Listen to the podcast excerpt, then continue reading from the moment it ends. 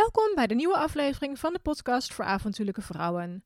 De Nederlandse inspiratiepodcast voor vrouwen die graag een avontuurlijke leven willen leiden.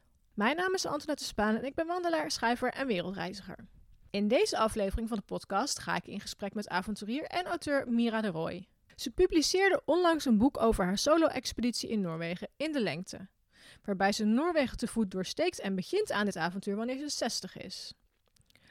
Ook is ze de organisator van de eerste Nederlandse vrouwenexpeditie in de Himalaya. Mira heeft ontzettend veel mooie verhalen en bijzondere dingen meegemaakt, dus luister en leer van haar prachtige vertelkunst. Vind je het leuk om meer over Mira te horen? Schrijf je dan in voor de online masterclass Female on the Trail.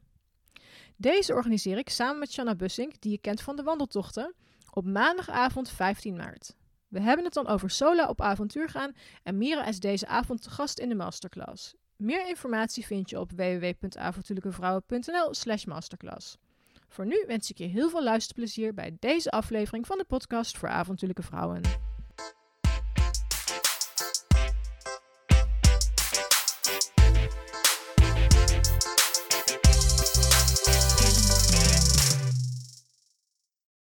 Mira, van harte welkom in de podcast voor avontuurlijke vrouwen. We zitten hier in het zonnetje in Arnhem. Onwijs leuk dat je helemaal hier naartoe bent gekomen. Uh, voor de dames die jou niet kennen, wie ben je en wat doe je? Ja, nou eigenlijk een groot verhaal. Ik ben, uh, ik ben dus Mira, Mira de Roy. En ik heb een uh, rare verslaving. Ik ben verslaafd aan de bergen.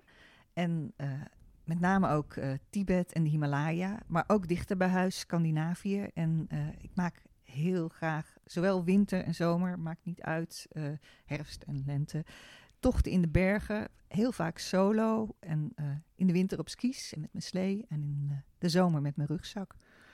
Ja, er is nog veel meer te vertellen, want ik ben eigenlijk van huis uit geoloog. Ik heb geologie gestudeerd en ik heb ook een aantal jaren uh, gewerkt in, uh, bij de TU Delft, mijnbouwkunde en petroleumwinning, waar ik de studenten geologisch kaartlezen probeerde bij te brengen.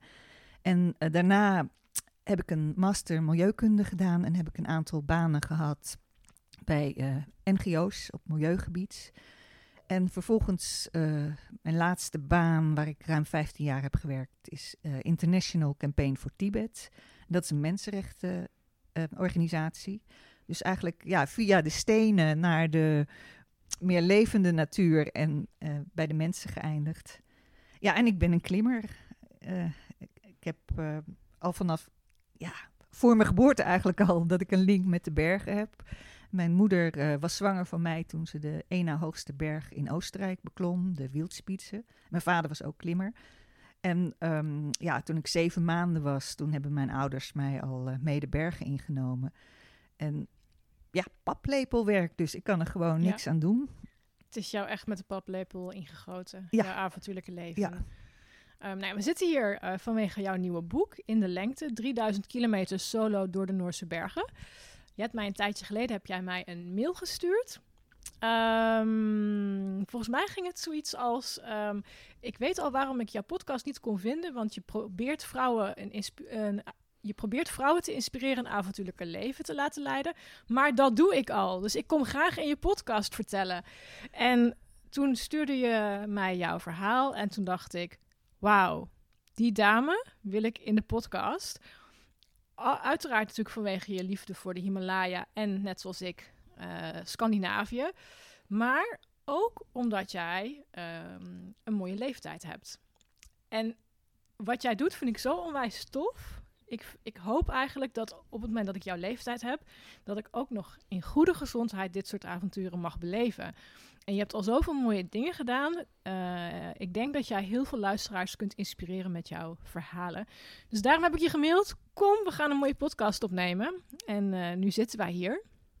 Uh, mag ik vragen hoe oud je bent? Ja, ik ben 63. En uh, het is een beetje hoe ouder, hoe gekker dus. en ook die tocht van 3000 uh, eh, kilometer in Noorwegen, die, uh, die ben ik gestart omdat ik in januari jarig ben. En ik had zoiets, nou ja, geen Polonaise, geen verjaardagsfeest. nou ja, sowieso is nu natuurlijk alles met corona anders. Maar ja. toen dacht ik van, ik, ik, wil niet dat ze een, een een feestje voor mij organiseren. Dat hoeft allemaal niet, want wat is leeftijd? Sowieso vind ik leeftijd niet belangrijk.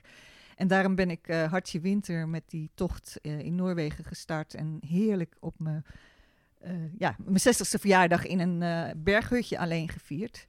En ja, ik moet wel zeggen, het is een voorrecht dat ik gewoon de goede genen heb meegekregen van mijn ouders. Dat ik sterk ben, dat ik nog steeds merk dat soms in de bergen veel jongere mensen ook heel veel langzamer lopen. En het kwestie is gewoon van blijven doen.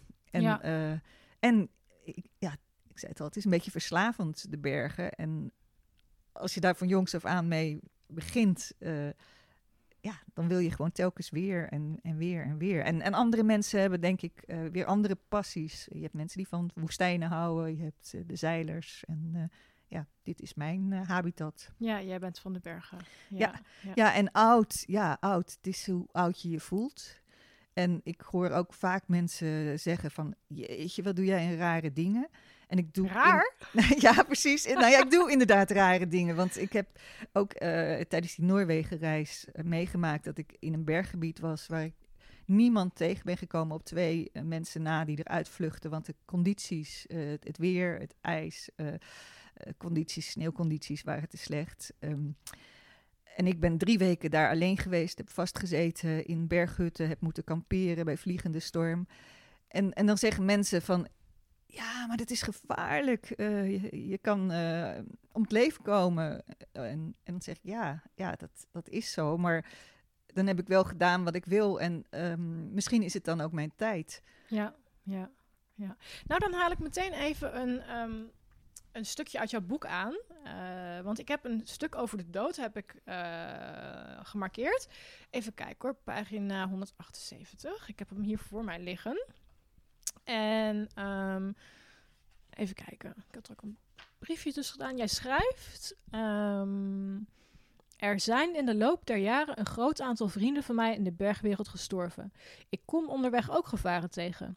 De dood zoek ik niet op, maar mocht het misgaan, dan is het vermoedelijk mijn tijd.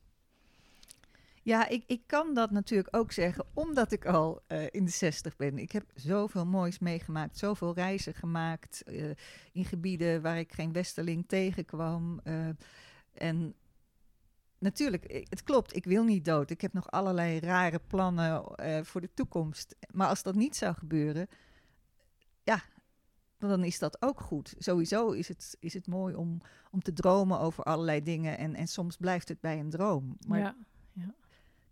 En, en ja, de dood. Ik heb inderdaad vrienden.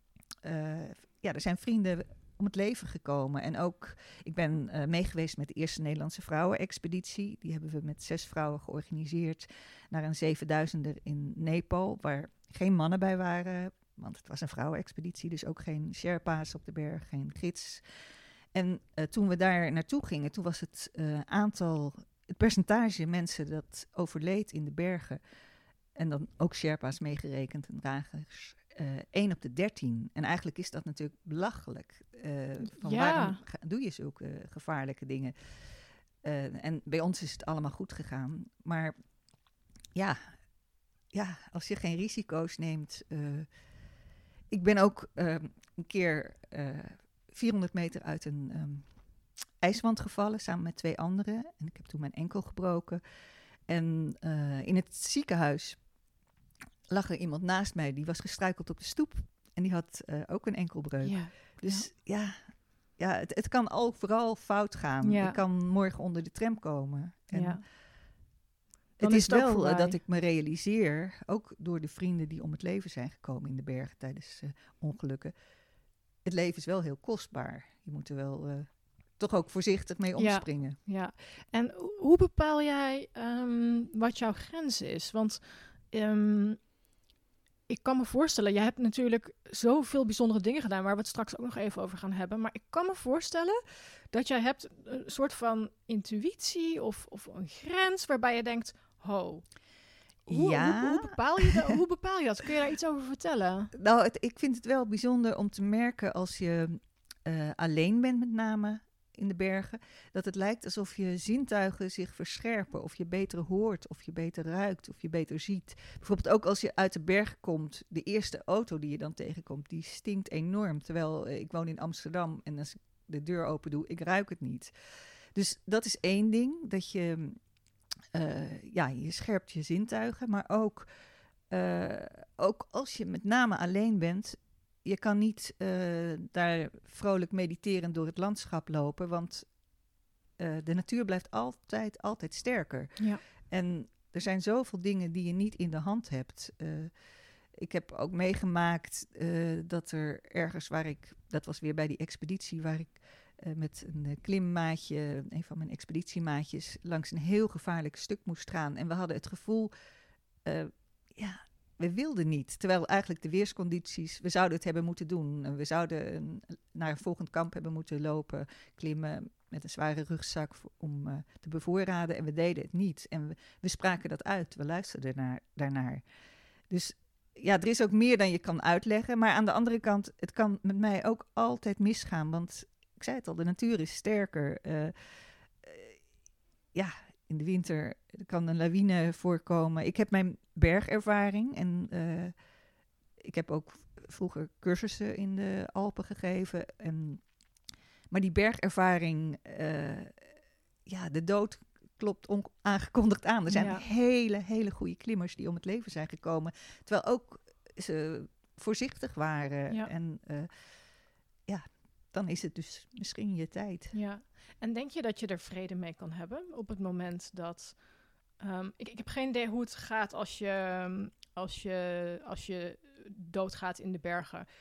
Maar ik, ik kan me voorstellen dat op het moment dat je het door zou hebben dat je doodgaat, van oké, ik ben nu in een situatie gekomen, dit gaat niet goed, dat je er op een bepaalde manier vrede mee hebt. Dat je zegt van nou, dan is het mijn tijd.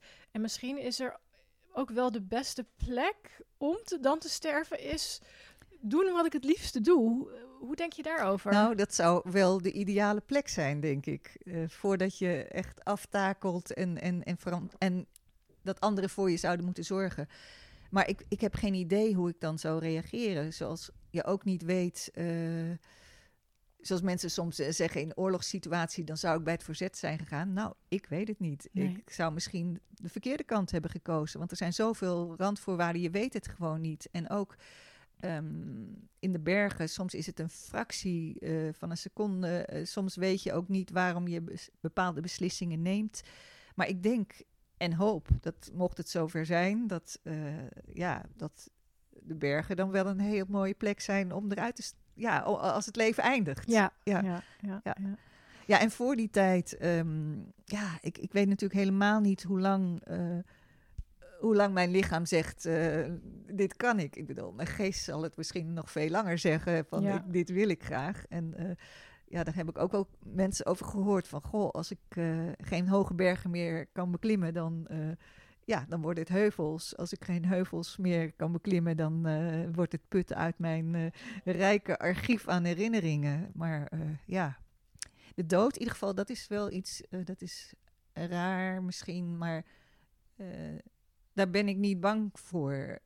ik heb meer zoiets, ja, het, het, het hoort bij het leven. Ja. En als het er als het komt, dan komt het. En, en wat ik al zei, ik ben bevoorrecht. Ik voel me echt een bevoorrecht mens dat ik zoveel moois heb kunnen meemaken en zoveel reizen heb kunnen maken. Ik, ik ben bijvoorbeeld in Ladakh, in uh, Noordwest-India en Himalaya, ben ik veertien uh, keer geweest. En daar, daar heb ik mijn tweede familie, eigenlijk wonen lokale mensen. En ja, ik ben acht keer meestal solo in Tibet geweest. En in Nepal heb ik rondgetrokken en geklommen. En ik heb denk ik meer meegemaakt dan de gemiddelde mens wat uh, reizen betreft en uh, ja, natuurbeleving. En ja, ik voel me wat dat betreft, wat ik al zei, echt een bevoorrecht mens. Ja, ja.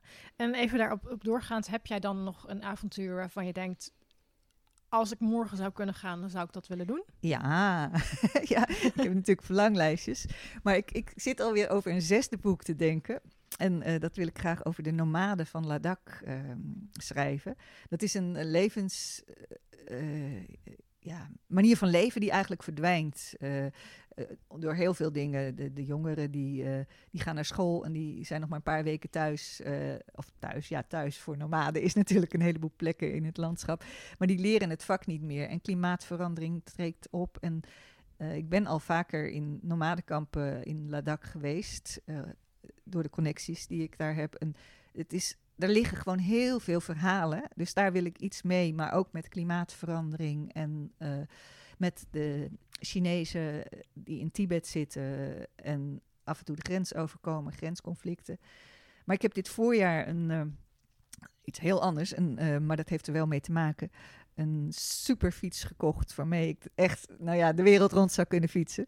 En eh, omdat corona is en ik dacht, oh, dan wil ik eh, met mijn tentje in Nederland gewoon eh, een weekendje weg kunnen. En, eh, maar mijn plan nu is om een fietstocht te maken van Shimla, dat is in Noord-India. Dan via Spiti, dat is eigenlijk ook een heel mooi berggebied wat aan Tibet grenst. En dan naar Ladakh. En je komt over passen van meer dan 5000 meter. En ja, het is ook een beetje nomade. Rondtrekken van de ene plek naar de andere. En dat sluit dan weer aan bij dat plannetje van het verhaal van de nomade van de Ladakh schrijven. Dus ja, die staat eh, op mijn verlanglijstje. En zo zijn er nog wel Ja. meer eh, dingen. En als het eh, niet lukt, ja, dat zei ik al, dan lukt het niet. Maar die staat wel heel hoog. Ja, ja. Ja. Nou ja, het is ook ehm, hoe meer je reist en hoe, hoe meer je ervaart, hoe langer je lijst ook wel lijkt te worden. Ehm, want ik merk zelf dat als ik, ik ben nu vier keer in Nieuw-Zeeland geweest en hopelijk ja, dit jaar voor de vijfde keer. Ik had april Mhm. gehoopt, gaat niet lukken. Misschien dit najaar. Ja. En heel veel mensen en gaan één keer in hun leven naar Nieuw-Zeeland. En dan weer naar het volgende land. En ik merk juist dat ik heel erg getrokken word doordat ik de locals spreek. En die zeggen, oh, maar je moet die trek toch nog lopen. Of je kan daar nog mooi naartoe. En dan is het bij mij altijd een beetje balanceren van... oké, ga ik naar een nieuwe bestemming, dus echt een nieuw land... of ga ik gewoon weer terug naar het oude vertrouwde... waar ik ook nog eh, dingen kan zien en ervaren die ik vorige keer gemist heb. Hoe, hoe bepaal jij ehm, van, nou, ik ga terug naar, in dit geval dus Ladakh... of ik kies voor een nieuwe bestemming? Nou, ik, ik voel een beetje dat wij op dezelfde lijn zitten. Dat zou zomaar kunnen. ja, ik, heb, ik vind het altijd heel leuk om, om nieuwe plekken te ontdekken. Maar ook erg fijn om terug te gaan naar plekken waar ik al mensen ken. En, eh, want sowieso voor mij zijn de bergen en de lokale bergbevolking onlosmakelijk verbonden. En eh, het is gewoon leuk om naar plekken terug te gaan. Eh, de familie in Ladakh, daar worden kinderen geboren, die zie ik opgroeien. Mm. En, eh, maar ook, het heeft ook wat om met helemaal nieuwe ogen naar een plek te kunnen kijken die je nog niet kent. Want dan kijk je ook weer heel anders naar iets. Eh, Maar, maar terugkeren, dat leert ook weer dat je de details gaat zien. Dingen die, die als je er maar één keer komt, eh, die je niet ziet. Dus het is voor mij een mix. Ik vind het alle twee leuk. En als ik moest kiezen, ja, dan zou ik denk ik kiezen voor Ladakh. Want daar liggen nog zoveel trektochten die ik eh, niet heb gedaan. Maar ik, zou ook graag naar Mongolië willen. Daar ben ik ook een keer ehm, vrij kort geweest toen ik eh, mijn derde boek schreef over vier hele krachtige vrouwen, waaronder een Oeigoer-vrouw die ehm, gevangen heeft gezeten omdat ze zich tegen de Chinese bezetting verzette. En toen ben ik om het een beetje te, ja, om het te doen alsof ik eh, een hele lange reis maakte, ben ik gewoon met, van Kirgizië met de trein ehm, naar Oost-Turkestan gegaan, China, Mongolië, eh, de mm, Trans-Siberië Express. Maar ik ben in Oost-Turkestan uitgestapt en daar heb ik eh, allerlei mensen ontmoet en haar leven, haar wortels opgezocht. Maar ja, toen ik eh, daar was. ehm, oh, ik vertel veel te veel eromheen. Maakt helemaal niet uit. Het is in ieder super- geval, toen was ik in de winter ook een, eh, een paar dagen, of acht eh, dagen, zoiets, tien dagen, in Mongolië. En toen dacht ik, oh, ja, dit is mooi. Hier Ja. zou ik ook naartoe willen. Want daar is ook bijvoorbeeld een rendiervolk, de, Ja. de, de Duka. En eh, ja, er, er zijn zoveel mooie, mooie plekken in de wereld. Ja. Nou ja, dat ben ik helemaal met je eens. En soms voelt het bijna als een frustratie, waarvoor ik heel dankbaar ben overigens, dat ik het nooit allemaal zal kunnen zien. En dan reflecteer ik weer van, oh ja, maar wacht even, ik ben ook heel dankbaar voor de dingen die ik al wel heb Ja, kunnen doen. En dat ja. probeer ik vooral ook in deze tijd echt steeds opnieuw te benadrukken in mijn gedachten van, maar wacht even, je hebt al heel veel wel gedaan. En stel dat, dat het reizen nu voor altijd voorbij is vanwege corona, dat kan. Precies. Ik, ik, ik zeg na vorig jaar of afgelopen jaar zeg ik nooit meer, dat kan niet. Dan weet ik wel, ik heb alles eruit gehaald wat, er, wat erin zit. Ehm, en volgens mij sta je er ook Ja, zo meer in. dan dat. En ik heb natuurlijk eigenlijk ook decadent vaak gevlogen om op die plekken te komen. En ik zeg voor de grap wel eens, ik ben eh, de milieugebruiksruimte van mijn kinderen, kleinkinderen, achterkleinkinderen en nog verder aan het opmaken, want ik heb geen kinderen. Dus, eh, maar dat is natuurlijk eigenlijk eh, ja, een beetje flauwe smoes.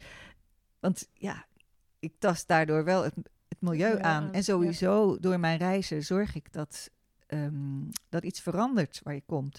Ik, eh, ja, ik vind het leuk dat het is zoals het was, eh, authentiek. Maar dat is natuurlijk belachelijk. Want wie ben ik om te zeggen dat eh, mensen niet ook ehm, alle geneugten van het leven die wij hier hebben, mogen hebben? Ik bedoel, ehm, het is logisch dat mensen dromen van een televisie, van een auto, van noem maar op. En eh, sowieso de luxe die ik heb. Ik, het is heerlijk om eh, alles op mijn rug mee te nemen en dan maanden daarvan eh, ja, te- ja, rond te trekken met alleen dat. Maar ik kan ook weer naar huis. Ja. En ehm, daar draai ik de kraan open en het heet water stroomt eruit en ik draai de verwarming aan. En, dus ja, ja. ik ben bevoorrecht. Dat zei ik al. En, dat, ja. en als ik niet meer zou kunnen reizen, ja, dan reis ik in mijn hoofd. En wat ik al zei, eh, ja, met de fiets en, eh, erop uit en je tentje. Nederland is ook mooi. Ja, helemaal waar, helemaal waar. Dat hebben we natuurlijk het afgelopen jaar wel Ja. eh, ervaren. Even nog een hele korte vraag voordat we verder gaan naar jouw boek. Ja. Ehm, of ja, jouw meest recente boek. Ga jij wel eens bewust niet terug naar een plek omdat je bang bent dat het veranderd is? Dat heb ik eigenlijk niet gedaan tot nu t- nog toe. Maar ik weet wel, ehm, bijvoorbeeld in Tibet, dat ik elke keer geschokt was als ik zag hoe Lhasa nog meer Chinees was geworden. En eh, dat oude historische huizen afgebroken waren en dat er flats waren gebouwd. En dat deed pijn. Ja. Maar, ehm, en nu zo, mag ik sowieso niet terug naar Tibet. Ik sta op de zwarte lijst omdat ik over politieke gevangenen heb geschreven. En dat vindt China niet leuk. Hmm. Dus ik kreeg een rood stempeltje in mijn paspoort op de ambassade. En, ehm, maar het is waar, eh, soms kom je terug op plekken en dan is het niet meer eh, de idyllische plek die je voor ogen had, die je je herinnert. En ja, ja de wereld is niet statisch, het verandert. Het, Ja. eh, Ja. en ja, soms is dat jammer, maar Ja, nou ja, wat jij net zei, dat vind ik echt heel erg waar. De mensen daar hebben ook gewoon het recht om te veranderen. Ik weet nog wel, ik ben drie keer in Nepal geweest en eh, niet zulke mooie dingen als jij gedaan, maar wel ook in de tea houses ervaren dat de eerste keer dat ik daar was, waren er geen mobieltjes. De derde keer dat ik daar was, daar zaten de dames in hun traditionele kledij Candy Crush, waren Candy Crush aan het spelen. En ik dacht, ja maar, oh eens even. En toen dacht ik, nee, wacht even ik snap deze mensen wel. Tien jaar geleden, of hoe lang is het geleden dat ik mijn eerste smartphone kreeg? Nou, tien jaar geleden zoiets. Dacht ik ook van, oh yes, een smartphone, dan kan ik spelletjes op spelen. Dus wie ben ik om te mogen bepalen dat ik het stom vind dat de, de, de, de lokale bevolking nu op een mobieltje zit? precies, Maar ik merkte wel zo'n kriebel bij mezelf van, "Oh, het gaat veranderen. Maar toen ging ik weer uitzoomen, dacht ik, nee, ja, die mensen hebben gewoon het recht om te veranderen. Net zoals dat wij dat tien jaar geleden hadden. En daar draag ik zelf aan bij. Maar beter nog, ik kan het ook niet veranderen. Ja. Ik, eh, zij, zij doen dat toch wel. Of, of ik daar nou naartoe ga of niet. Klopt. Ehm, want zo, zo gebeurt het nou eenmaal. Ja, en, en eh, je kan het niet stoppen. En, en ergens is het misschien ook wel jammer. Of jammer, ik weet niet of dat het woord is. Maar als ik denk aan de eerste keer eh, toen ik in Nepal kwam, toen ik een busje naar Nepal heb gereden. Nadat ik uit die ijswand was gevallen. Ik ben uit 400 meter. Ja, toen, toen ik daar aankwam. eh, nou, volgens mij raak ik nu zelfs mijn verhaal kwijt. Wat wilde ik nu vertellen? Dat krijg je als we zo enthousiast Ja, zitten te kletsen ja, over ja, allerlei verhalen. Ja, ik weet hem weer. Ik weet hem weer. Ja, ehm, toen ik dat busje reed, ben ik maanden weg geweest. En eh, uiteindelijk ook in Tibet maandenlang geweest. En dat land is zo groot als West-Europa. We hadden geen mobieltjes. Ik ehm, heb een paar keer naar mijn ouders gebeld. eh postrestant kregen we, eh, kreeg ik wat brieven. Maar eigenlijk was het ook wel heerlijk Ja. om, om eh, ja, niet elke keer te moeten doorgeven waar ik was. En je hebt natuurlijk ook, je kan verdwijnen. als er iets gebeurt, weet niemand waar je bent. En, maar ja, dat kan nog steeds. Dat kan, Dat kan ook met dat een kan met een mobieltje. mobieltje ook. Ja. Want als ik in de bergen ben, heb ik vaak geen bereik.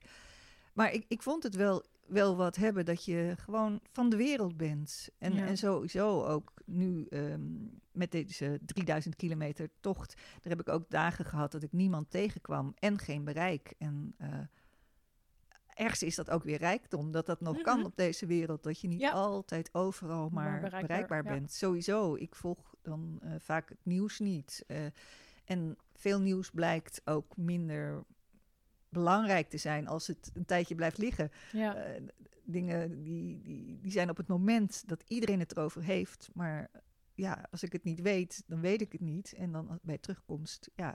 is dat- het al geen nieuws meer Precies, uiteindelijk. ja. Ehm, laten we naar jouw boek gaan, want ik heb echt een hele lijst ook weer met vragen over Ja. jouw boek. Ehm, in de lengte 3000 kilometer solo door de Noorse bergen. Ehm, ik had eh, een paar vragen daarover opgeschreven. ja. En ik was allereerst eh, benieuwd. Jij beschrijft jouw tocht. Eh, je maakt als het goed is, als ik me niet vergis, twee of drie keer een eh, tocht in de winter, in de lokale winter. Met je slee, Kees. Kees toch? Ja. ja, dat is Kees. Ja. Ja, en je doet, je doet een paar trajecten in de zomer. Ja, ik heb het eigenlijk in zessen geknipt. Ik ben begonnen dus in de winter, januari. En In het zuiden. in, nee, in het zuiden, Ja, ja. van Want Noorwegen, de dagen ja. zijn in de winter sowieso kort. Ja. En dan zijn ze in het zuiden in ieder geval eh, ietsje langer dan in het noorden. En ik ben naar de Noordkaap gelopen. En ehm, ik heb het ook expres in, de, in zessen geknipt, eh, omdat ik de seizoenen wilde meemaken. En er zijn mensen die doen de tocht echt in één keer, eh, één seizoen, of alleen op skis met slee, of alleen in de zomer. Maar dan heb ik het idee, dan mis je heel veel van het landschap. Bovendien, dan heb je maar een heel beperkt ehm, tijdsschema. je moet gewoon door. En ik vind het juist heerlijk om ook een zijdal in te kunnen slaan als het mooi is. En als ik interessante mensen ontmoet, dan wil ik daar langer blijven. En eh, er- was één plek in. Ik heb ook een stukje Zweden meegenomen. eh, de, de hele is eh, ruim 400 kilometer. En dat heb ik in maart gedaan met skis en slee. En daar was een hele bijzondere plek, Akse. En daar had ik zoiets van: oh, het voelt hier alsof er iets in de lucht hangt. Nou, dat bleek ook. Het bleek een heilige plek te zijn met heilige bergen, heilige offerplaatsen van de Sami-bevolking, de inheemse bevolking. Maar ik kon op dat moment dat ik daar was gewoon beslissen: ik blijf langer. Terwijl als je een echt tijdschema hebt, je moet er op een bepaald tijdstip zijn, want eh, de, de weerscondities veranderen. Als je met skis in het zuiden begint en je gaat naar het noorden en eh, je komt in de tijd dat de rivieren al gesmolten zijn, dan kom je er niet meer overheen. Dus eh, ja, dat is mijn bewuste keus geweest om het niet als een through hike te doen, zoals je van het begin start en je gaat door zonder te stoppen. Nee, ik dacht, ik kies voor etappes.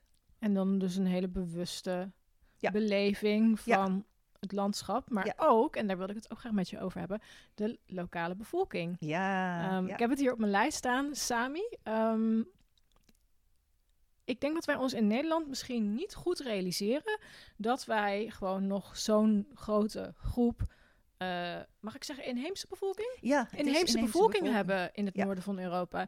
Dus ik hoop dat je, nou ja, in ongeveer vijf minuten ja. heel kort kunt vertellen Ja. wat, wie de Sami zijn en wat er allemaal aan, in de, aan de hand is daar in het Hoge Noorden. Nou, wij kennen de Sami eigenlijk als Lappen en Lapland. Maar dat is een, eh, een scheldwoord. Zoals eh Eskimo's een scheldwoord is en je Inuit eh, beter kan gebruiken, is het ook met de, de Sami zo. Zij leven, leven in Noorwegen, Zweden, Finland en Rusland. Het noorden van Scandinavië. En oorspronkelijk waren het ja, ook nomadische volken eigenlijk, die met hun rendieren trokken. En je had de zeesami, die van visvangst leefde. En ze zijn onderdrukt. Eh, het is al eeuwen terug dat eigenlijk de godsdienst, het christendom, hun animistische geloof eruit heeft geslagen. Maar ook, ook tot de zestiger jaren van de vorige eeuw, 1960, eh, werden kinderen naar kostscholen gestuurd, mochten ze hun taal niet spreken. En ehm, keek de lokale eh, bevolking, tenminste de Nooren, de Zweden, de Finnen, de, de Russen, die keken heel erg neer op de, op de Sami. En eigenlijk gebeurt dat nog steeds. Ik heb verhalen gehoord en, daar ben ik ook weer eh, blij mee dat ze dat wilden delen. Want eh, wat ik vaker had gehoord, dat ze eh, ja, niet heel open zijn, omdat ze dus slecht behandeld zijn in het verleden. En ik kreeg nu verhalen te horen waarvan ik dacht, goh, dat je dit met mij deelt. Over de nog steeds discriminatie. Maar eh, ook, eh, dus niet alleen puur discriminatie, ook een manier van leven. ehm, die wordt heel erg ingeperkt. Eh, bijvoorbeeld de rendierhouders, die hebben problemen dat er wegen worden aangelegd. Er worden dammen voor waterkrachtcentrales aangelegd. Er worden bossen gekapt. noem maar op. En ehm, ja, het is natuurlijk zo dat zij daar eeuwenlang hebben gewoond. Maar dat was vaak niet opgetekend. Ze hadden geen eh, bewijs dat dat hun land is. Hmm. En eh, dan is het ook makkelijk mensen ja, te verwijderen van dat land. En eh, ja, nog steeds, er worden ook ehm, windmolens gebouwd op trekroutes en, van de rendieren. En op zich, als je daar rondreist, kan je niet herkennen of iemand een Sami is of een Noor of een, Z- een Zweed. Eh, uiterlijk. Mhm. Maar ehm, ja, er is nog wel heel veel wat we ook niet weten, denk ik. Ehm, ik werd bijvoorbeeld gevraagd toen ik eh, met twee vrouwen uitgebreider heb gesproken, twee Sami-vrouwen, wil je in een plaggenhut overnachten?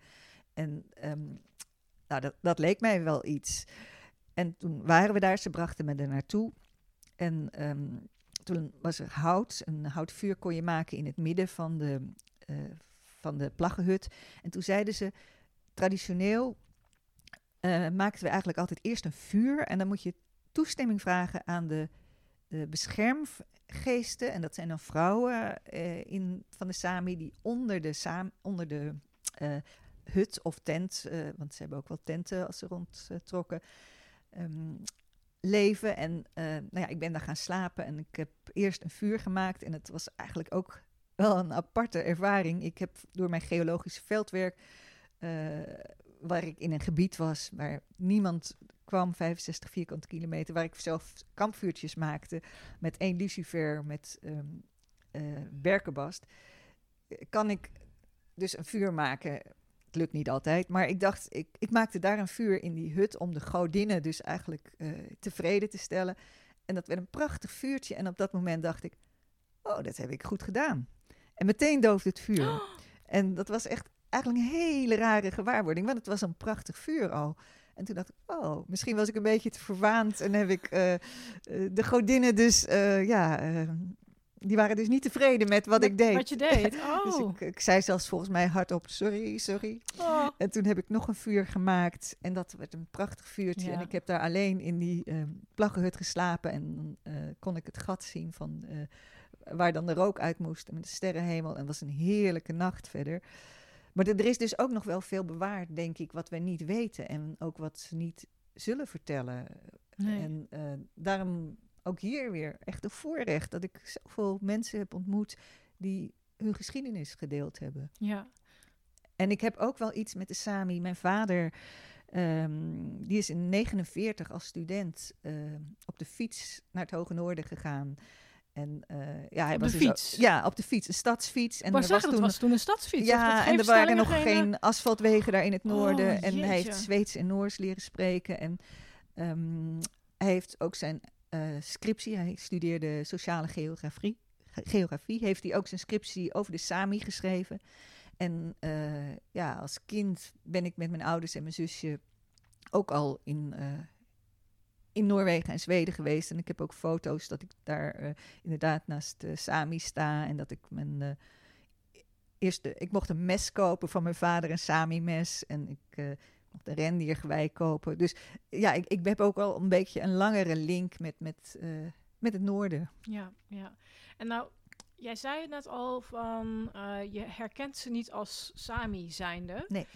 En dat heb ik inderdaad ook zo ervaren, want ik was me helemaal niet bewust van dat het nog zo'n belangrijke invloed heeft. Want als je door het noorden van, ik ben dan in het noorden van Zweden geweest, rondom Jokkmokk, Kvikkjokk, die kant Oh ja, op. daar ben ik ook geweest. En ja. ehm Skierve, dat is natuurlijk de berg waar jij het net over Ja. had, waar Ja. jij naar terug bent gegaan in de zomer. Ja.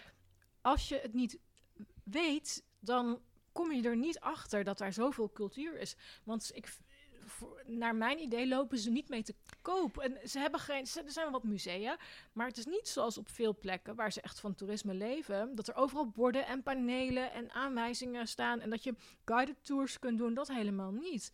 Dus ik, de eerste keer dat ik Sami zag, had ik niet in de gaten dat het Sami zijn, omdat ze er gewoon westers uitzien, om het zomaar even over één kant te strijken.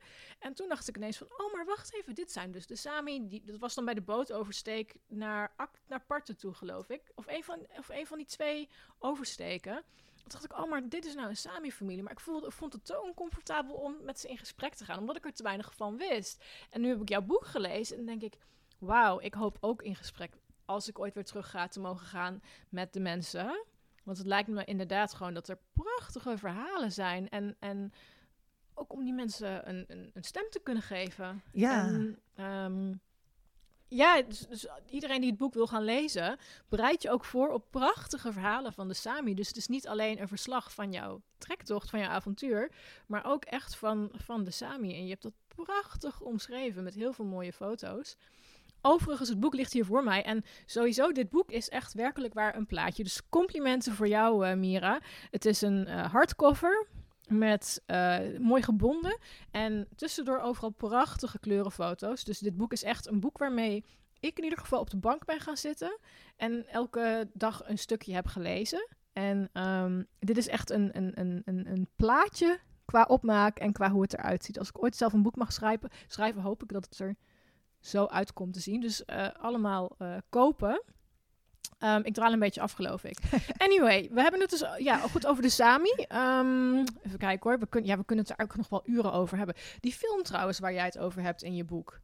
Sami Blad. Sami Blad, ja. ja. is die ergens te zien, dat jij weet? Um, nou, hij is in de Nederlandse bioscopen geweest. Ja. En ik heb daarna heb ik hem ook besteld, want ik wilde hem zelf nog een keer zien. Ja. En ik ben de producent door toeval tegengekomen en Oh. heb hem ook geïnterviewd. En eh, ja, het is een, ook weer een, een prachtige film. Het laat zien hoe er een tweespalt is, hoe je ehm, het probleem wat veel Sami hadden, dat ze, want het speelt in het verleden, dat ze niet durfden te laten zien dat ze Sami waren. En in Sami-blot gaat dit meisje ehm, een hele rigoureuze stap nemen. Ze verlaat haar familie en uh, ze verlogent haar af, afkomst. Uh, Oeh, ja. dus ze, ze komt er niet voor uit dat ze Sami is. Tot ze als oudere vrouw terugkomt en nou ja, bij de begrafenis van haar zus. En dan komt alles terug. En, dan, Mm. uh, en ik heb ook van uh, veel mensen gehoord. Ik heb bijvoorbeeld ook de uh, Sami-zangeres Marie Boyne meermaals geïnterviewd. En ook nu weer tijdens deze reis ontmoet. En zij zingt echt prachtig. Uh, ze is ook in Nederland, heeft ze opgetreden en ze treedt wereldwijd op. Maar haar ouders, die wilden toen ze jong was ook eigenlijk niet laten blijken haast dat ze Sami waren. En veel Sami-kinderen zijn dus ook opgevoed dat ze Zweeds en Noors moesten leren en dat ze niet Sami-taal uh, leerden, um, spreken zelfs soms en niet schrijven. En, maar ook dat ze uh, ja, hun cultuur, daar keken ze zelf op neer. En nu is er een soort revival bezig. En dat is echt heel mooi om te zien. Hoe jongeren uh, bij speciale gelegenheden weer hun prachtige traditionele klering, ja. kleren aantrekken. En er ook echt voor uitkomen dat, dat ze Sami zijn. Ja, en weet jij, weet jij iets over de. Uh, laat ik het even inleiden. Er zijn, als ik me niet vergis, op Netflix ook een aantal films en series die ingaan op de Sami. Uh, Midnight Sun, dat is, uh, heeft zich bij, speelt zich bij Kiruna, Kiruna, af. ja. En ik heb laatst een film gezien, die heb ik eerlijk gezegd uitgezet, omdat ik hem... Ja, het pakte me op een of andere manier niet. Misschien moet ik het nog een keer proberen, maar dat gaat ook over de Sami. Ehm, wordt er aandacht... Wordt dat in samenspraak met de Sami gedaan, zoiets? Dat jij weet? Um, nou, die in Kiruna, zeker, want daar spelen ook een aantal Sami Oké, aan mee. ja. Ook, um, ook twee zangeressen volgens mij, die een rol spelen, niet als zangeres, maar wel. Uh, dus ja, Ja, die, uh, die, die doen daar zeker Fijn, aan mee. ja. Maar er zullen ook films zijn, en zeker in het verleden zijn er heel veel films gemaakt, juist door buitenstaanders die. Uh, het meer als minderwaardig volk hebben neergezet. En nu zijn er veel filmmakers, sowieso ook veel kunstenaars, juist die, die iets met hun cultuur doen. En die ook, ik, ik, heb een schilder ontmoet, een jonge schilder die ook street art maakt. En hij zei: Als ik deze kunst niet had gemaakt, dan weet ik niet op wat voor manier ik anders mijn frustratie had geuit. Oh. En dan was ik misschien wel gewelddadig geworden. En, en nu maakt hij ook soms kunst. Uh, ik schrijf er ook over in het boek, want ik ben bij een mijnbouwprotest geweest. En daar maakte hij een kunstwerk door uh, plastic, uh, doorzichtig plastic tussen bomen te spannen. En daar ging hij met spuitbussen um, ja, een, kunstwerk maken maar juist die kunst, uh, ja, dat, dat geeft ook kracht. En, en ik vind het heel mooi om te zien hoe, hoe jongeren dus eigenlijk hun verleden ja, weer levend maken. Hoewel er ook heel veel verdwenen is. Die, die, eh, die oude verhalen, uh, de animistische um, levensvisie, ja, die is er uitgeslagen. Mm, ja. Ik ben bang dat we hier gewoon nog uren over kunnen praten. Ja. Maar dan gaan we het niet meer over de tocht zelf hebben. Ik denk dat de dames die luisteren allemaal heel benieuwd zijn. Hoe heeft ze het, überhaupt, hoe heeft ze het gedaan? Um, over de tocht zelf. De tocht die je hebt gelopen heeft een naam, toch? Ja, Norge Polangs. En dat betekent Noorwegen in de lengte. Dus vandaar de titel, van mijn boek, In de lengte. ja. En het is. Um... Mag ik heel even ontbreken? Is het een bestaande tocht? Is het iets wat je gewoon op internet kan downloaden nee. en kan zeggen: of heb jij dat zelf? Het is wel een bestaande tocht, maar dat is een tocht die eigenlijk door iedereen zelf ingevuld mag worden. Oh, je weet het startpunt, dat is de uh, vuurtoren van Lindesnes. Dat is het meest zuidelijke puntje van Noorwegen. En uh, het eindpunt is eigenlijk de Noordkaap. En je kan het ook omgekeerd doen mhm. natuurlijk. Maar um, eigenlijk kan iedereen de eigen route kiezen. En uh, vaak zal het in een berggebied wel parallel lopen. Want je gaat niet dwars door de bergen. Dan ben je eindeloos bezig. Ook door een bos. Uh, dan ga je niet dwars door een bos lopen als er een wandelpad is. Hoewel er ook natuurgebieden zijn waar geen pad is. En dan moet je je eigen weg zoeken. Maar het is een. dat, ik, denk juist, juist dat het wel leuk is. Dat het niet een, een dichtgetimmerde route is. Um, er zijn boeken verschenen. Een, Duitser heeft een boek geschreven, een Schot, uh, een Oostenrijker. En ja, die hebben ook allemaal hun eigen verhaal. Ja, omdat ze hun eigen route hebben gevolgd. En ik weet dan van een Duitser die het heeft gedaan. En um, die heeft uh, in het begin berggebieden overgeslagen, omdat er nog te veel um, sneeuw lag. En ja, het ligt niet vast. Er zijn ook mensen die zeggen: ik doe Norkerpo langs op de fiets.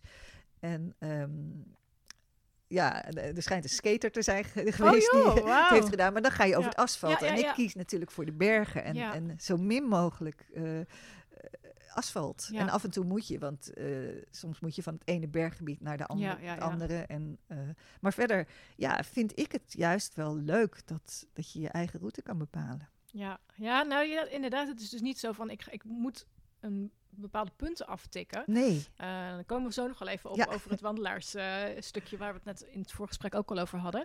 Um, behalve Noorwegen heb je ook ervoor gekozen om een stukje door Zweden te lopen, namelijk de Koensleden. En ja. volgens mij ben je ook nog bij Valledalen geweest. Ik heb ook een stukje Finland genomen. Ook, ook Finland, klopt, op het einde. Ja, en, en lager inderdaad ja. En um, dat heb ik ook eigenlijk bewust gedaan, want ja, uh, wat is een grens? Zeker voor een geoloog. Uh, die geologische grenzen die zijn er ook niet. Dat loopt allemaal door. En uh, de grens tussen Noorwegen en Zweden, dat is echt een slingerende grens. En dan is het onzin als je als purist precies die grens zou blijven ja, volgen.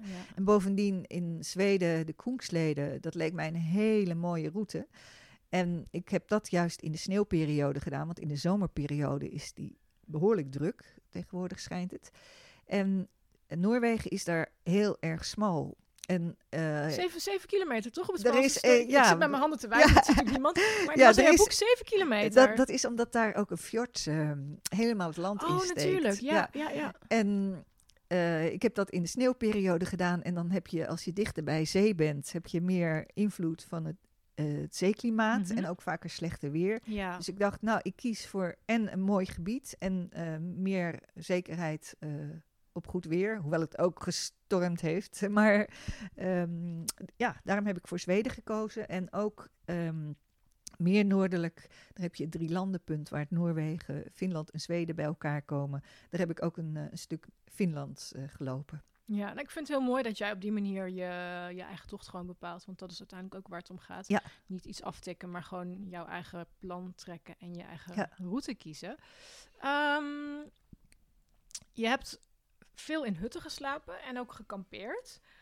Uh, hoe maak je de afweging van ik ga nu in een hut slapen en ik ga nu kamperen? Ja, ehm, nou kamperen uh, vind ik ook heerlijk. Dat, uh, dat is echt het pure buitenleven. Maar de hutten zijn natuurlijk, als je een hele dag loopt, ook, ook fantastisch. Bovendien, de Noorse hutten ze hebben een geweldig systeem, zeker in het zuiden van het land. Dat als je lid bent van de Noorse Alpen- en Wandelclub, dan krijg je een sleutel. Uh, en dan kan je de zelfvoorzieningshutten, waar dan geen uh, uh, is, daar kan je gewoon in en dan kan je slapen. En daar is ook een kast met eten zelfs. Ja, dat las ik. Wat een, wat een luxe Dat is een luxe. Dan mag je daar uitpakken en dan moet je het opschrijven en laten betalen.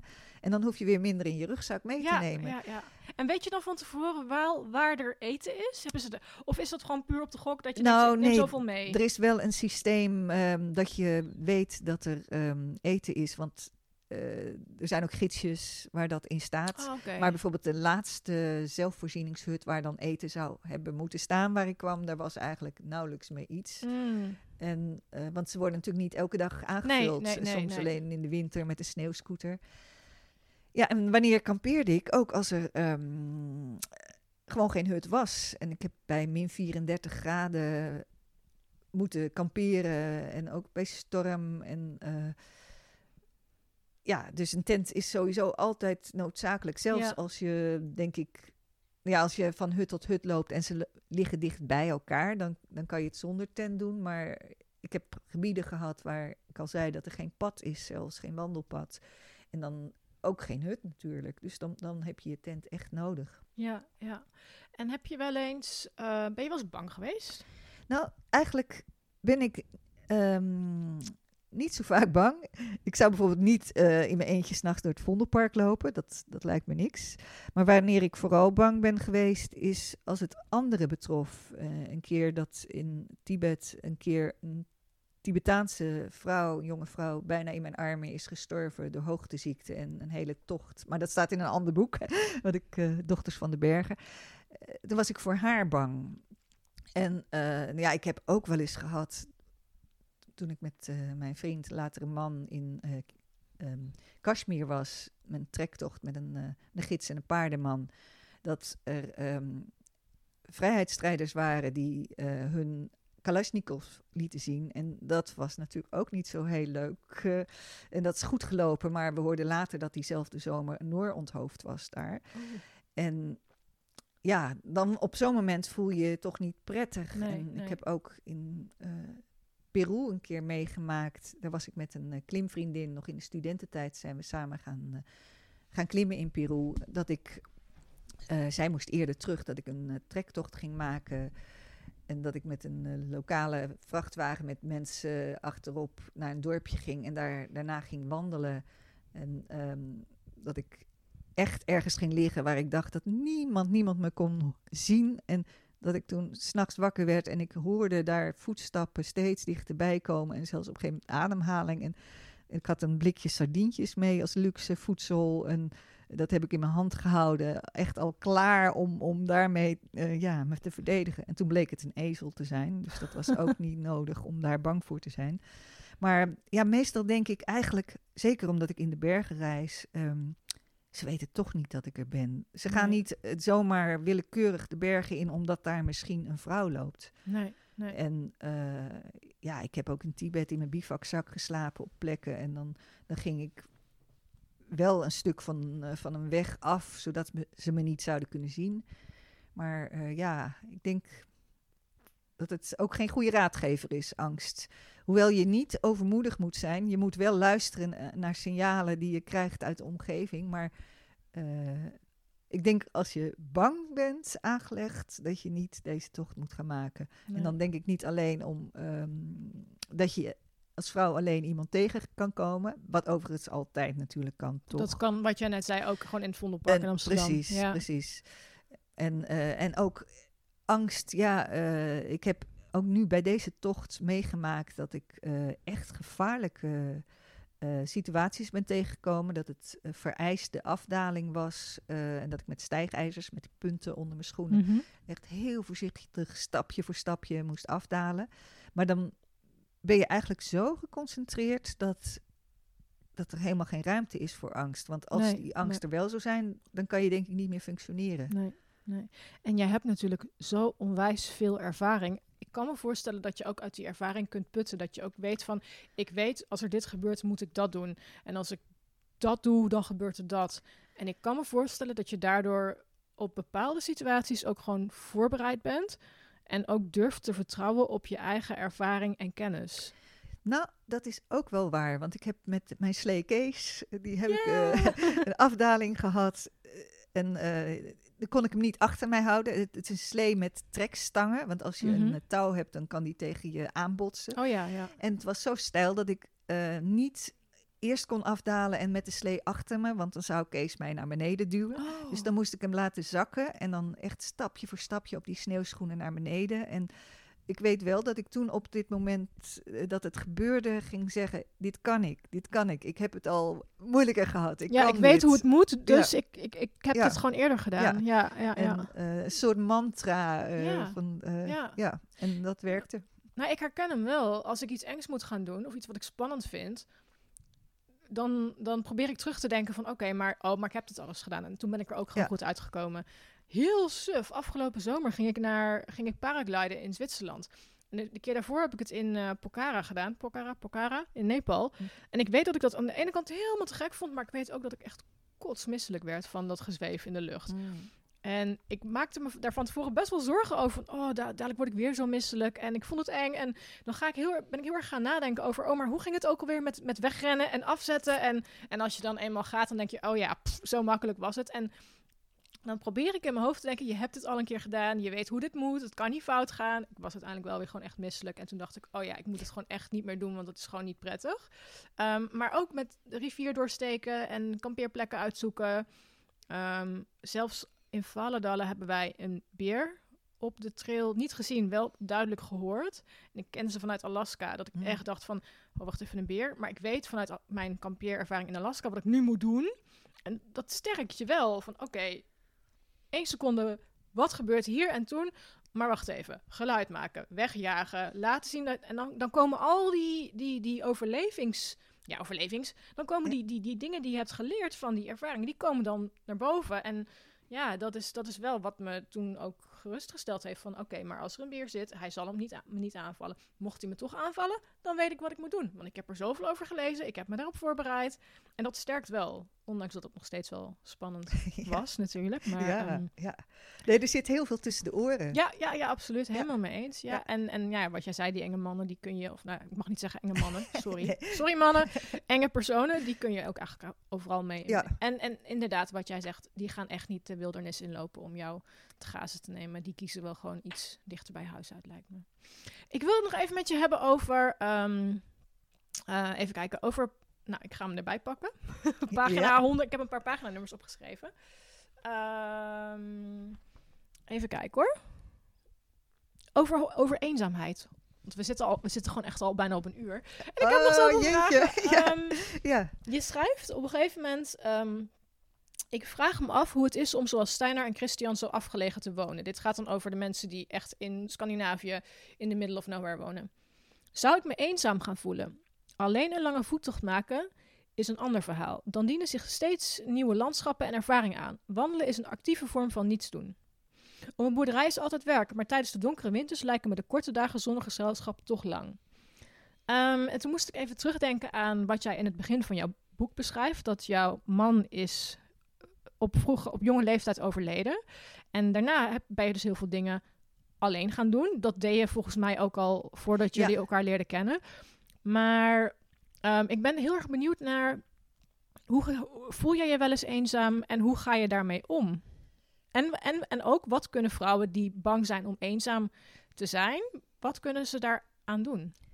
Nou, mijn ervaring is eh, sowieso met reizen. Het is altijd heel leuk om dingen te delen met een maatje. Maar ehm, als je met z'n tweeën bent, En met meer is het nog meer erger. Maar als je met z'n tweeën bent, dan heb je al een soort ring om je heen, een soort muur. Je zit op een eilandje waarbij je geen contact maakt met de lokale bevolking. Ja. En eh, ik vind het juist heerlijk als je alleen bent, dat je veel sneller contact maakt. Eh, da- dan, dan moet je wel een, een, eh, een brug slaan naar die ander.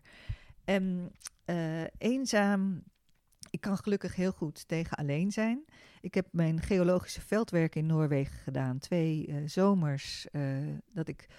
eh, ik, ik zei het net ook al, dat gebied had ik het over 65 vierkante kilometer waar niemand woonde, waar ook geen pad was. En dan eens in de week of eens in de tien dagen kwam ik andere mensen tegen. En dat waren dan medestudenten. En dan kwamen we samen en dan kookten we samen. En in die periode heb ik eigenlijk geleerd dat ik heel goed alleen kan zijn, maar dat ik ook mensen nodig heb. En Ja. eh, mensen nodig hebben ehm, gewoon om te leven. En dat heeft me ook geleerd dat eh, om contacten te leggen, dat ik ehm, mezelf moet laten zien. En ehm, ja, mijn ervaring in de bergen is eh, dat ik me op een bepaalde manier niet eenzaam voel, maar dat ik het ook wel weer leuk vind om dan in de bewoonde wereld wel mensen te ontmoeten.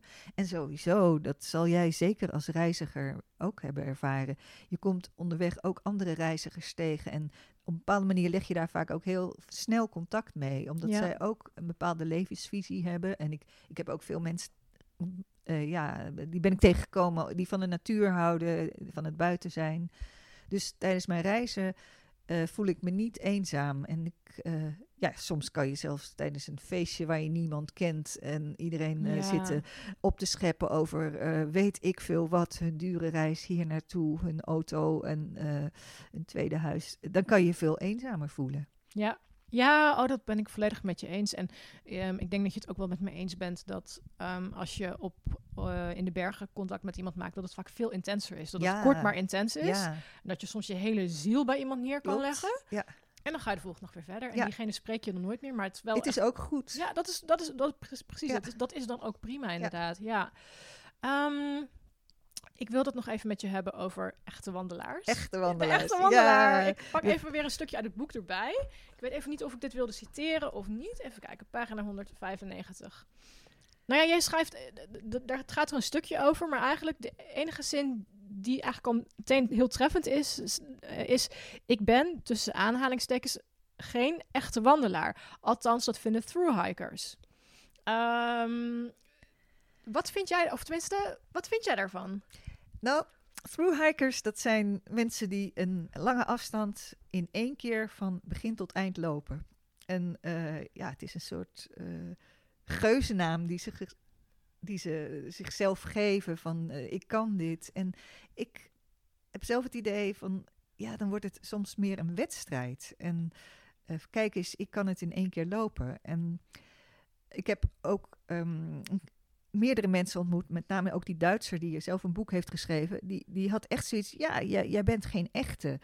En ik heb er een hele discussie met, eh, ja, met hem gehad, met Simon. Want ehm, ik kwam hem een paar keer tegen. En toen heb ik tegen hem gezegd, eh, we steken allemaal dezelfde rivier over, maar we gebruiken verschillende stapstenen. En eh, ja, voor mij is het zo waardevol om in het gebied te zijn en, en er niet dwars doorheen te rennen. En op een gegeven moment, eh, ik heb hem dus een paar dagen wat vaker gezien, dat, toen zei hij ook van ja, ik moet wel bekennen dat ik eigenlijk veel minder zie dan jij. Ik, ik ga maar door.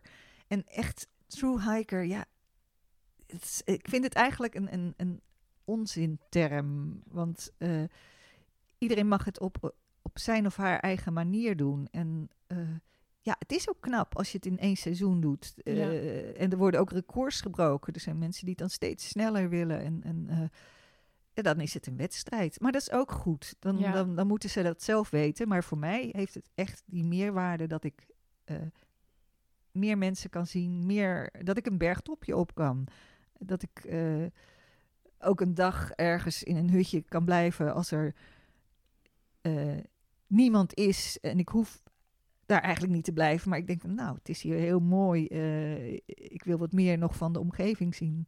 Dus ja, through hikers. Ja, het is ook een hele hype vaak, eh, zoals in Amerika, de lange afstandspaden, waarbij je dan ook zelfs een, ehm, een nieuwe naam krijgt. Dat je je oude De naam. trail a- name. Een trail ja, name, ja. ja, ja. En waar eh, ja, het soms over dingen gaat, of dat het, ja, ik wil nog niet zeggen drugs en rock'n'roll, en, eh, maar, maar ook wel, eh, het, het gaat dan om, om, om het samen zijn met anderen. En eh, het, het is niet mijn manier. Ik vind het fijn dat ik dus zelf mijn weg kan vinden en moet zoeken en dat ik ja, langer kan blijven. Ja, nou ja, dat, dat begrijp ik helemaal. En ehm, ik vind het ook mooi dat er ehm, dat je ook zegt van nou ja, dit is mijn manier. En daar ook gewoon je niet gek laat maken door, nou ja, veelal ook een jongere generatie die, die dan eh, ja, zo snel mogelijk een trail willen afleggen.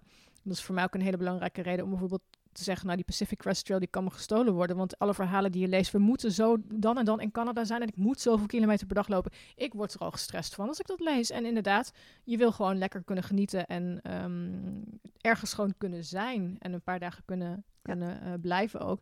En ik hoop ook dat we. Ehm, ik, ik vind het heel jammer dat er, dat er dus zo'n zo'n ja, cultuur is ontstaan waarbij thru-hikers neerkijken op, op dagwandelaars of gewone wandelaars. Of nou, geef het een naam of, of iemand die gewoon graag trektochten maakt. Want uiteindelijk, in essentie, zijn we allemaal hetzelfde. We wandelen graag. Precies. En precies. ik ben geen officiële wandelaar. Maar ik wandel, ik wandel elke dag hier in het bos of ergens anders in het bos. Maar dan ben ik geen wandelaar. Wie bepaalt dat ik geen wandelaar ben? Ik vind dat echt zo'n onzin. Maar goed, dat is, ik, ik vind namelijk dat ik wel een wandelaar ben. Zo, dat heb ik Ja, even gezegd. eens. Maar ik, ik- ja, ik, ik hoop echt dat we gewoon... eh, dat die mensen die thru-hiken, dat, dat, dat doen helemaal prima. Ehm, maar laten we elkaar gewoon... Ja, In waarde in houden. waarde houden, Ja. respecteren, omdat we allemaal onze eigen keuzes maken. Dat Ja. we allemaal op onze eigen kennis en kracht onze eigen avonturen beleven. In plaats van ja, neer te kijken op elkaar, omdat de ene zoveel kilometer per dag loopt en de ander met zo weinig loopt en de ander het per dag doet en de ander eh, er vijf jaar over doet, bij, wijze van spreken. We zijn Ja. allemaal hetzelfde. Ja. Ehm, nou, dan wil ik afsluiten, of ik heb nog een paar korte vragen voor je. Ehm, Annette, die in de podcast is geweest als, ehm, eh, hoe heet het? Oh. Nou, kapitein van een schip, hoe heet het nou ook? Ik ben het gewoon, sorry Annette, ik ben het gewoon kwijt. Anyway, zij is in de podcast geweest als gast om over haar, eh, haar zeilschip en haar zeilreizen te praten. Zij stuurde mij een berichtje met de vraag... ehm, Vanaf welke berg of in welk gebied heb je het meest bijzondere uitzicht ervaren en waarom raakte je dat zo? Oeps. dat is een hele moeilijke, want ehm, uitzicht is niet alleen wat je ziet, uitzicht is ook wat je voelt. En het is ook afhankelijk van, van hoe het weer is. Je kan op de prachtigste berg, oh, je hebt een prachtige berg staan en er hangt eh, een dichte mist en je ziet er niks van. En zo is het ook met het klimmen. De hoogste berg eh, hoeft niet de mooiste te zijn. En ja, ik, ik kan me ook op, op een heel klein topje en ik zie daar een, een, een rendier eh, langslopen die mij niet eh, in de gaten heeft. En, ehm, en het topje is en de, en de zon gaat onder. Nee, ik heb eigenlijk niet een de berg eh, waarvan ik nou zeg, dit is hem. Want elke berg heeft een soort karakter. Ja. Elke berg, ja. Nee, dus. Nee, geen, an- nee, geen antwoord is ook een antwoord, hè, Ja. uiteindelijk. Ja. Ja. Ehm, ik heb nog twee vragen voor je. Ehm, de eerste is, ehm, deze stel ik, ik geloof van elke dame die in de podcast komt. Wat gaat er altijd in jouw rugzak mee? En dan bedoel ik niet je paspoort en eh, je portemonnee en dat soort dingen. Maar heb jij een speciale tool of item die stevast in jouw rugzak als avontuurlijke vrouw meegaat? Eh, een fotootje van Hans, van mijn man. Die gaat altijd mee. Eh, mijn kompas. Want eh, ik gebruik wel ook af en toe een GPS tegenwoordig. Maar ik hou heel erg van eh, eh, de kaart en, en kompas. Dat heb ik bij mijn geologiestudie ge- geleerd. En dan kan je zelf ook nog eens af en toe het spiegeltje bekijken. Maar ja, ja wat neem ik allemaal mee? Ja, een zakmes, maar dat is meer het, het niveau wat je zegt, je paspoort neem je altijd mee. Een drinkmok, eh, dat is ook heerlijk in Noorwegen. Je kan gewoon het, je mok in het... Oeps, ik Oh. gooi nu net. Dit is wel heel toepasselijk. Ik ben zo enthousiast dat ik een gop, kop thee omgooi. Nou, laat maar lopen. We zijn toch bijna Ja, klaar. precies. En word jij nat van... Nee, ik word niet nat, Nee, ik heb Nee, dit was echt eh, een gebaar dat ik niet had moeten maken. maar ehm, ja, eh, ook altijd wel zorgen dat je mm, warme kleren bij je hebt. eh, in de bergen, ehm, muts, handschoenen. Je komt soms mensen tegen, eh, daar denk ik van... Ja, dit is op het strand perfect, maar het kan hier eh, ook in de zomer sneeuwen. Ja, En, ja. eh, dus, dus ik zorg toch wel eh, ja, voor eh, genoeg warme kleding. genoeg warme kleding. Ja. En water. En Maar- water altijd. Ja. Ja. heel goed. Laatste vraag. Ehm, kun jij het gevoel omschrijven, of met een quote of wat langer, wat jij had toen jij deze tocht door Noorwegen eindigde? Nou, ik ben me uiteindelijk niet bij de Noordkaap eh, gaan eindigen, maar een ander punt, wat eh, ook een noordelijk punt in Noorwegen is. En daar eh, moet ik zeggen, ik vond het jammer. Ik stond bij de Barentszee en het land was op. Ik kon niet verder. Nee. En eigenlijk het gevoel wat ik had eh, van, ik was heel tevreden dat ik het had gedaan, maar aan de andere kant wilde ik eigenlijk nog niet terug. Ik wilde verder. En ehm, maar eh, ja, het gevoel wat ik ook had, ik, ik nam iets heel waardevols mee. En wat ik nog steeds draag. Eh, gewoon die hele reis, wat ik mee heb gemaakt. En dat hou ik bij me. Dus er zijn meerdere gevoelens die, die ik op het eind had. En ja, ook wel geluk. Ik lag daar in mijn tentje met ook weer echt krankzinnige storm en het regende. En ik voelde me heel voldaan. Ik, ik was eh 165 slaapplekjes, geloof ik, dat ik heb gehad. En ik kon ze die nacht allemaal voor me zien. Eh, Als een Oh. soort eh, lint wat ik gelopen had. Ja. En eh, ja, ik, ik was een gelukkig mens. Je was een gelukkig mens. Ja. En eh, ja, dan begint ook al haast weer voordat het afgelopen was, de heimwee naar eh, waar ik mee bezig was. En ook alweer een, een, een zaadje planten voor een volgende droom. ja, wat mooi. Ja. Allerlaatste vraag. Ik dacht dat dit helemaal was. Nee, ik, dit is gewoon de standaardvraag om mee af te sluiten. Ja. Eh, als de vrouwen die nu luisteren geïnspireerd zijn geraakt, waar kunnen ze jou op internet vinden? Ja, www.miraderoy.nl.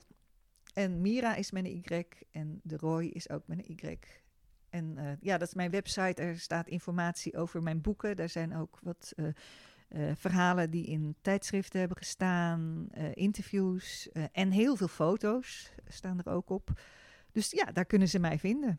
Nou, hartstikke goed. En anders ergens in de bergen. Zeker, ja. Oh, ik vind het jammer dat we moeten afronden, maar ja, we zijn al ruim over het uur. Wauw. Dus het is onwijs snel gegaan. Ik eh, kijk er naar uit om jouw andere boek ook te gaan lezen, wat je hier hebt liggen. eh, de, over de eerste Nederlandse vrouwenexpeditie.